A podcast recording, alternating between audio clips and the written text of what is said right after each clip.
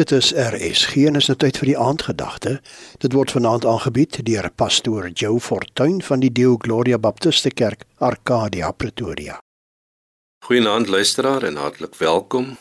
Ons het aan die einde gekom van nog 'n dag en ek deel graag Jeremia 17 vers 7. Maar gelukkig is die mens wat op die Here vertrou en hulle verwagting in hom stel.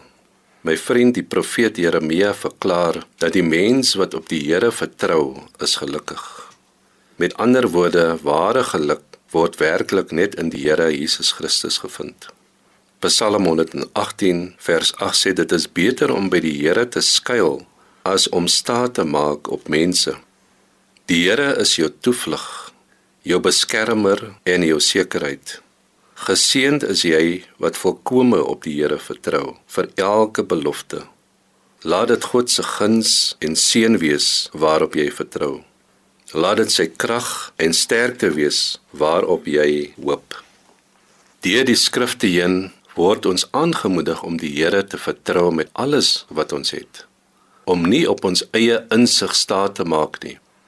Dat ons vra vir die wil van God in alles wat ons doen dan sal hy die regte pad vir jou wys en die pad reguit maak.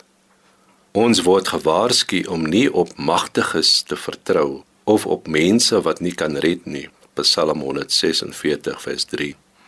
As jy werklik veilig en sekuriteit soek, moet nie verder as God kyk nie.